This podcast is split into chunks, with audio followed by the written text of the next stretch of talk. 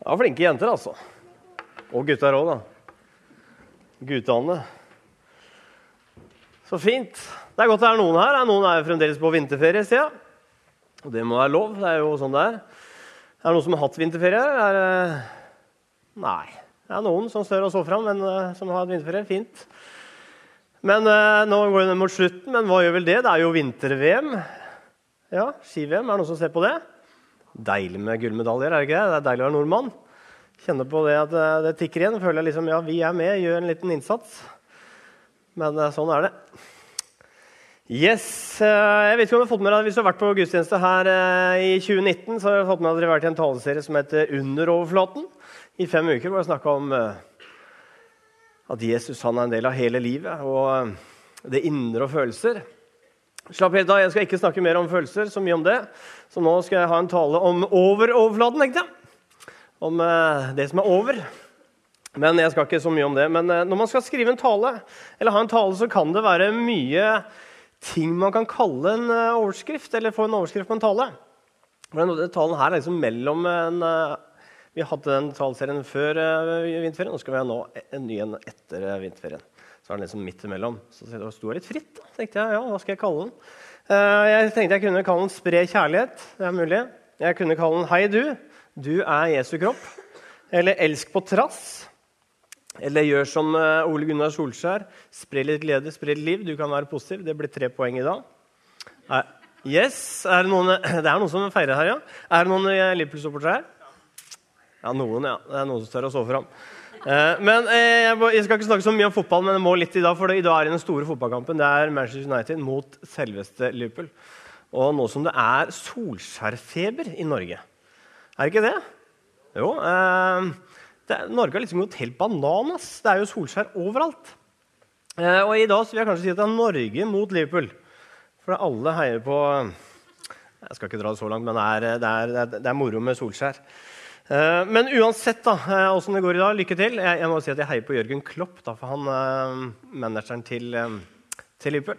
For han er kristen, og han har gått i en misjonskirke i Tyskland. Så vet dere det. Men Solskjær er bra, han òg, da. Vet ikke jeg. Så vi må be for Solskjær. Tenk om han, da. Jeg vet ikke hvor han er. Det. Så Ole Gunnar Solskjær, vi heier på deg hvis du hører på den podkasten. Bare ber om at du kommer, blir frelst og begynner med det. Det er fint. Men vet du hva, nå skal jeg skrive en tale. Eh, så er det jo mange overskrifter hun kan velge. Men jeg har valgt eh, det gode, gamle. Kolosserne 3, 12-16 er dagens overskrift. Det er det jeg skal ta utgangspunkt i. Paulus brev til kolosserne. Eh, jeg har lyst til at vi skal be litt. Jeg tror at Jesus han er her nå. Og jeg tror at vi kan få noe mer av Jesus enn det vi har hatt til nå. Og jeg tror at Jesus han kan møte hver enkelt der vi er. Så um, kan vi ikke lukke øynene og så be litt. Takk, Jesus, for at du, uh, du, er her nå. Takk for at du sier at uh, hvor to eller tre er samla i ditt navn, så er du midt iblant oss. Og det, det er vi når vi samles rundt deg, Jesus. Og du kjenner hva livet er, og du vet hva vi Kom med, så ber jeg for hver enkelt at du må møte oss der vi er, Herre. Kom med din nåde, kom med håp her og fred her inn i vår liv. Så ber vi om at ditt ord, Herre, det må bli større for oss. At du, Jesus, du blir enda mer virkelig, Herre. Ber om det. I Jesu navn. Amen. Jeg skal altså ta utgangspunkt i et brev som eh, Paulus har skrevet til eh, kolosserne. Og Paulus han har skrevet ganske mye. Kanskje han som har skrevet mest i, i Nytestamentet. Hvor han skriver bl.a. brev til eh, menighetene. For han fulgte de opp og kom gjerne med noen oppfordringer og kom med noen veiledninger til de. Og så tenker jeg Det gjelder for oss også i 2019. Så vi skal lese det. Jeg har sett det stå på veggen der. Paulus starter med å si.: Dere er Guds utvalgte, helliget og elsket av Han. Kle dere i inderlig medfølelse og vær gode, milde og ydmyke og tålmodige, så dere bærer over med hverandre og tilgi hverandre hvis den ene har noe å bebreide den andre. Som Herren har tilgitt dere, skal dere tilgi hverandre. Og over alt dette kle dere kjærlighet, som er båndet som binder sammen og gjør fullkommen. La Kristi fred råde hjertet. For til det ble dere kalt da dere ble én kropp. Og vær takknemlige. La Kristi ord få rikelig rom hos dere. Dagens tekst starter med å si at, eh, som Paulus sier, at eh, dere, oss altså, vi er Guds uh, utvalgte, og vi er hellighet, og vi er elska. Han sier at du er hellig. Og det syns jeg er mange ganger vanskelig å tro, at jeg er hellig. Av jeg føler ikke alltid jeg gjør de rette tinga. Føler at jeg bomma litt på målet, som gjør at ja, jeg er ikke helt hellig. Men pga. Jesus så er vi faktisk det. Pga. hva han har gjort. Og så sier også Paulus du er elsket. Vet du det? Vet du at du er elska? At uansett om det er vinterferie, eller om det er sommerferie, om det er 17. mai eller julaften eller vinter eller hva åkke som, så er du elska. Om det regner eller snør, om det er sludd eller møkkavær eller sola skinner, så er du elska. Han elska deg i går, han elska deg da, og han kommer alltid til å elske deg. Du er og blir elska. Du kommer ikke vekk ifra hans kjærlighet. Og det er ikke noe fra eller til du kan gjøre for å bli mer eller mindre elska av Gud. Forstår du det? Det var Paulus sitt ønske. Og det er også mitt ønske for dere at dere skal forstå det hjertet at du er elska. Jeg ønsker at Jesus skal skrive det på innsida av hjertet ditt. At du er og blir elska. Det er på en måte det viktigste og et sentralt budskap. Og det må på en måte ligge til grunn. Og det vil også Paulus minne på at det må ligge der. Men så kommer han også med en utfordring, hvor han sier at vi skal kle oss han ønsker at vi skal kle oss i kjærlighet. Han sier, 'Kle dere i endelig medfølelse for hverandre'. sier han.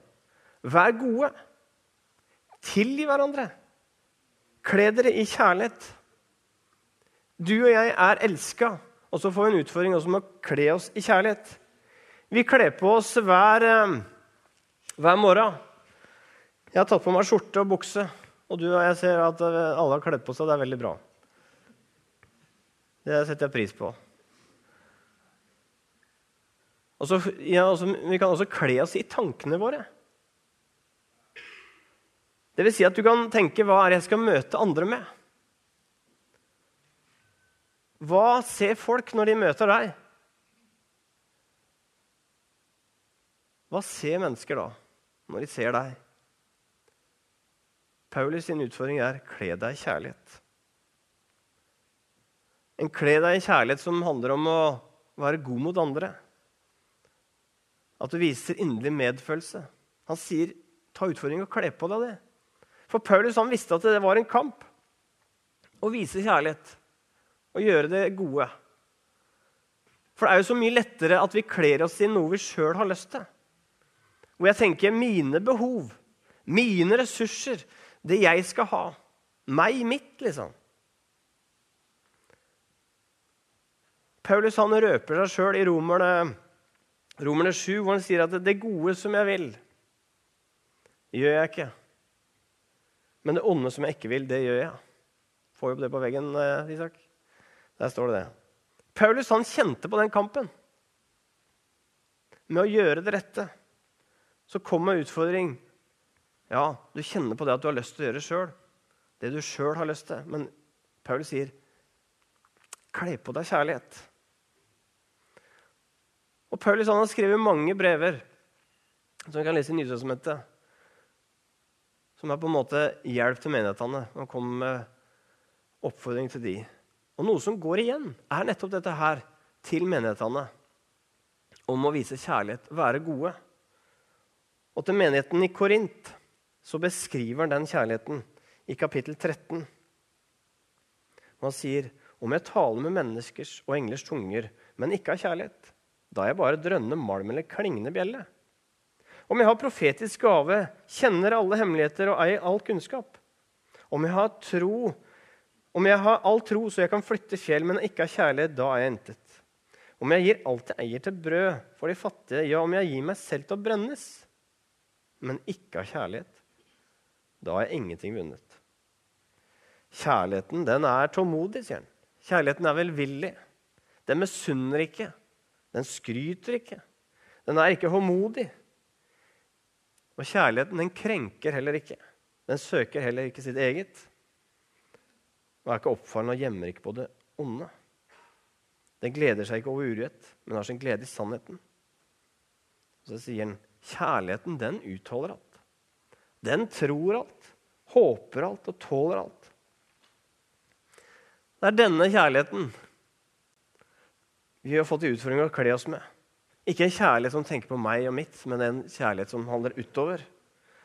Og Jesus han var jo det levende eksempelet på hvordan vi kan vise denne kjærligheten her. Og Jesus han gikk jo rundt og fortalte hvordan du og jeg kan gjøre det. Han visste med sitt liv som et eksempel. Han sier i bergprekenen, i Matteus 5, sier han, om noen slår deg på høyre kinn, det har du hørt før kanskje, så venn også de andre til. Vil noen saksøke deg og ta skjorten din, så la ham få kappa også. Om noen tvinger deg til å følge med én mil, så gå to med han. Gi til den som ber deg, og vend ikke ryggen til den som vil låne deg. Jesus sier at hvis noen er litt råtten mot deg, hvis noen er litt slemme, så skal du kanskje ikke gjøre det du har mest lyst til, å slenge tilbake. Hvis noen har såra deg, så får vi kanskje å bare gi litt tilbake. Slenge med leppa, kanskje. Men det ønsker ikke Jesus at vi skal gjøre. Han ønsker at vi skal vende det andre kinnet til og være overbærende mot andre. Han snakker om å ikke bare gå én mil, men gå to. Det handler om å strekke seg i møte med andre. Gjøre på en måte litt ekstra for andre, selv om de kanskje ikke fortjener det. Og så sier han i, i vers 43.: Dere har hørt det sagt. Du skal elske din neste og hate din fiende. Men jeg sier dere, elsk deres fiender. Det er sånn grensesprengende kjærlighet Jesus prøver å vise oss. Det handler ikke bare om å vise en godhet mot de som eh, er gode mot oss, de som er lett å like.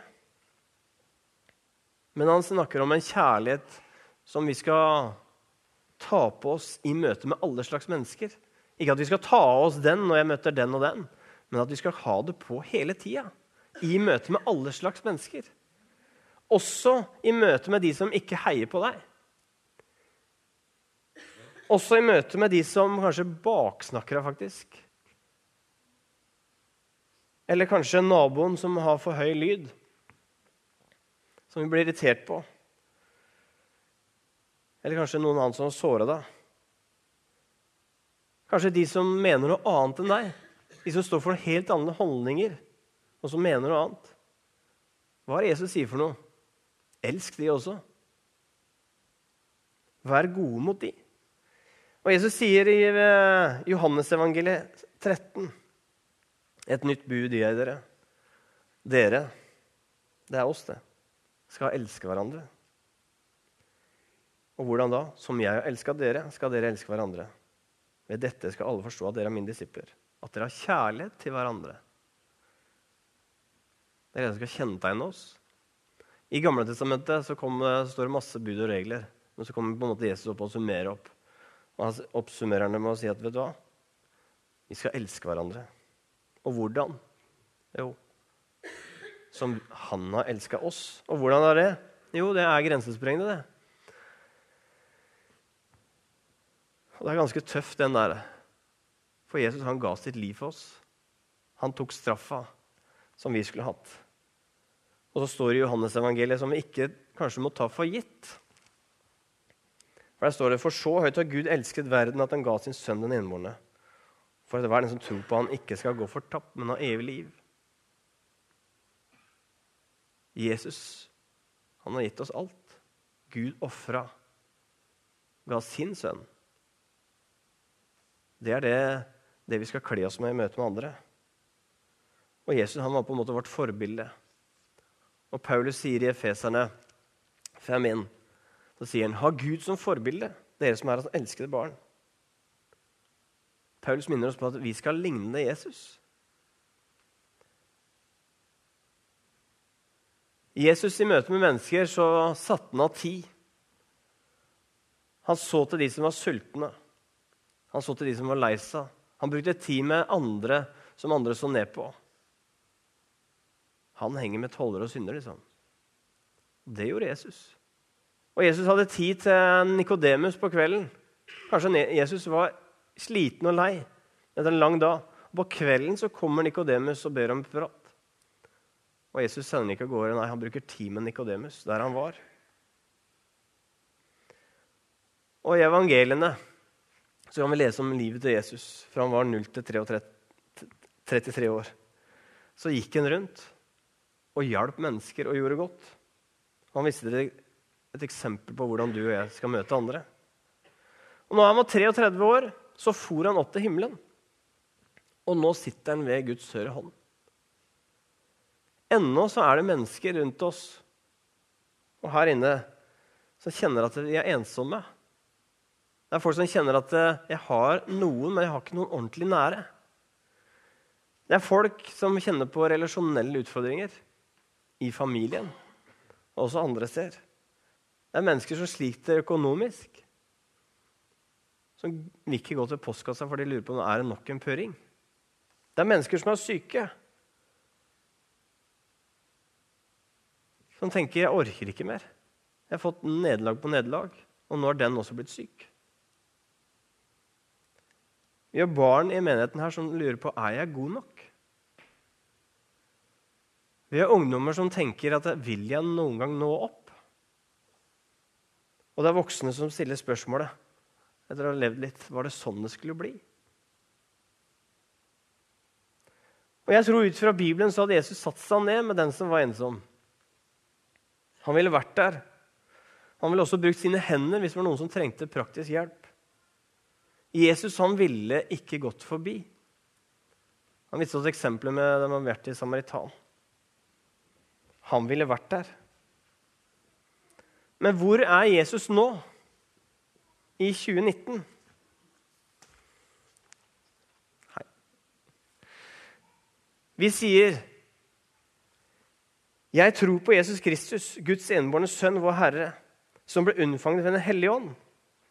Født av jomfru Maria, pint under Pontius Pilatus, korsfestet, død og begravet, for ned til dødsriket, sto opp fra de døde tredje dag, for opp til himmelen, sitter ved Guds den allmektige Faders høyre hånd, skal derfor komme igjen og dømme levende og døde. Jesus han går ikke lenger her på jorda. Han sitter ved Guds høyre hånd. Han. Men vi har fått Den hellige ånd, og han er med oss. Men Jesus, han er i himmelen. Og så sier Paulus til menigheten i Korint, 1. Korinterne 12, 27, sier han at dere er Kristi kropp, og hver av dere er et lem på han. Paulus sier nå at det er vi som er Kristi kropp. Han sier at det er vi som er Jesus i 2019 vi som sitter her, og andre kristne som er rundt om. Det er vi som er lemmer på Han, og det er vi som er Jesus. Og Det vil si at det er noen som er armer. Noen er de som skal gi en klapp på skuldra og heie på. Noen skal bruke armene sine til å støtte de som er lei seg. Noen skal være beina som kanskje går en tur med noen, eller ta beina sine fatt og gå hjem til de som har det vanskelig. Noen er kanskje de øynene til Jesus. For vi vet at jeg òg ber. Kjære Jesus, jeg ber om noen må se meg. Og så kan det være at du og jeg faktisk er de øynene som gjør at de blir sett av Jesus. For det er mine og dine øyne. Vi har fått i oppdrag om å være Kristi kropp. Det er vi som skal være Jesus i Skien. Vi må tenke, kle på oss kjærlighet og tenke hva ville Jesus gjort i mine sko? Jeg må røpe at jeg har et mål, et kanskje hårete mål, for menigheten her. Og den er sånn her Det skal være godt å ha det vondt i Skien misjonskirke. Det skal være godt å ha det vondt i Skien misjonskirke. Tenk om vi kunne jobbe for det. For jeg vet at I Skien misjonskirke og rundt oss I våre relasjoner så er det mennesker som går gjennom tøffe ting. Det, det, det var det i går, forrige uke. Vi vet det er i dag. Og det kommer til å være det i morgen òg. For livet er sårbart. Og vi kan kjenne på vonde ting. Men også i det vonde, når man kjenner på det, så kan man også til tider kjenne på gode ting. Smerten som man går og bærer på, behøver ikke være så sterk siden noen andre er der. Siden noen viser omsorg. Når man opplever man ikke er aleine. Klarer vi det? Strekke oss etter at det skal være godt å ha det vondt i Skien misjonskirke? Jeg ønsker iallfall å jobbe for det. At selv om noen har det vondt, så er det noen som kommer og er sammen. Jeg tenker at Vi kan på en måte fra kirka legge til rette for diverse diakonale verktøy da, som gjør at vi skal jobbe for det. Vi kan ha samtaleteam, det har vi, som at folk kan komme og noen snakke med. Vi har veiledningstjenesten hvis du ønsker veiledning i forhold til det. Vi har besøkstjenesten hvis man ønsker besøk. Og man kan bruke hjertebanken hvis man trenger litt praktisk hjelp. så kan vi hjelpe hverandre. Og kanskje Det viktigste verktøyet vi har, det er smågruppene. Man er en del av et mindre fellesskap. Man kan dele livet, så det er lettere å oppdage hvis det er noen som har noe vanskelig. Og man kan si at vet du hva, 'jeg har ikke så greit'. Eller man kan være ærlig og si at eh, 'sånn og sånn er det'. Eller 'nå fikk jeg en melding fra sykehuset at det er noen prøver som ikke er så bra. Kan dere være med og be for meg? Og så er det kanskje noen som er med og ber, som vet om det. Kanskje bruke litt ekstra tid med den. Og ikke har, Hvis ikke den personen har så mange rundt seg, så kanskje det er de, en av de som blir med på sykehuset og støtter. Som er sammen. Jeg tenker at Vi kan organisere og ha diverse diakonale verktøy. Men så er det jo i vår hverdag, i min og din hverdag, med de vi har rundt oss, med familien din, med naboen din, på butikken, på Hercules eller på puben eller hvor enn du måtte være. Eller kjerka her i uleaktiviteter. At vi rett og slett kler på oss den kjærligheten Jesus snakker om. At vi kan være våkne. At du og jeg kan være Jesu kropp. Jeg har stor tro på Skien misjonskirke. At vi kan strekke oss etter at det kan være godt å ha det vondt. For jeg tror sammen så kan vi greie det. Paulus han kom med en oppfordring i 3.16 om hvordan vi kan klare å kle oss i den kjærligheten der han sier La Kristi ord få rikelig rom hos dere. Han sier, 'La Jesus få rikelig plass i livet ditt'. Ikke bare litt, men rikelig. Og jeg kjenner i hvert fall for meg sjøl at jeg skal, skal, jeg greie å kle på meg den kjærligheten, skal jeg greie å tenke som Jesus ville gjort, så trenger jeg å være sammen med han. Om det er i stillhet, eller om det er å høre en, på lovsang, eller å gå en tur og, og se Guds natur, eller å høre en tale, men at jeg er sammen med Jesus, så blir det så påvirker det meg. Det tror jeg at Da er det lettere i møte med andre mennesker å tenke. Ikke bare på seg sjøl, meg og mitt, men at jeg våger å tenke også på andre. For jeg tror at Når vi er sammen med Jesus, kan vi bli minnet om ting. Kanskje bli minnet om at du skal sende en tekstmelding til en person. Du skal ta en telefon. Eller kanskje du skal invitere noen hjem. Og så får du høre at de du inviterte hjem, var akkurat det de trengte.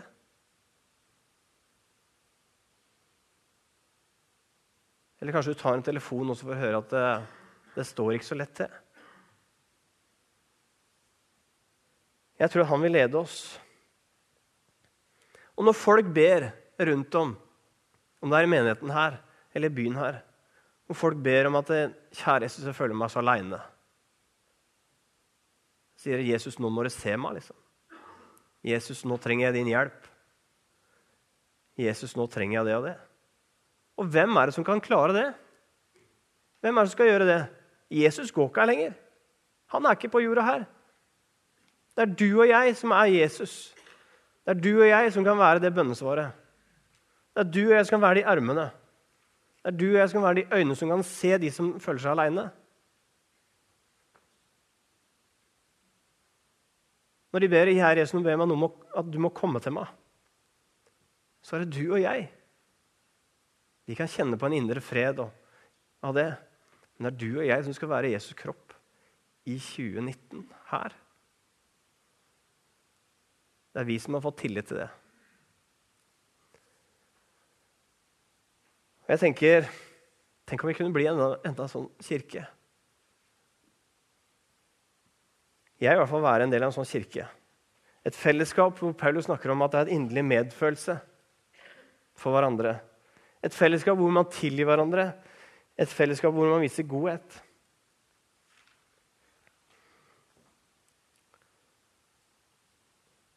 Jeg håper du sier amen inni deg. Men utfordringen er la deg bli elska. Fordi du er elska. Og kle deg i den kjærligheten som han har. Så at vi sammen kan gjøre byen vår og menigheten her enda varmere. La oss be.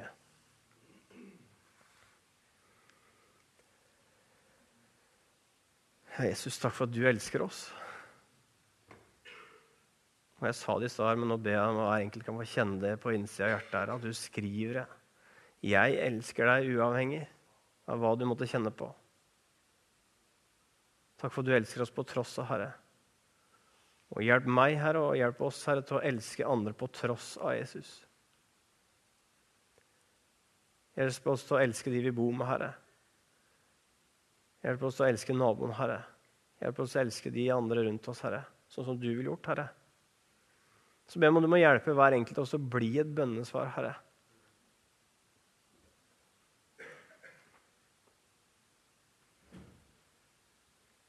La oss få høre de bønnene Herre, du hører, så vi kan gjøre noe med det, Herre. Ber om det, Jesus.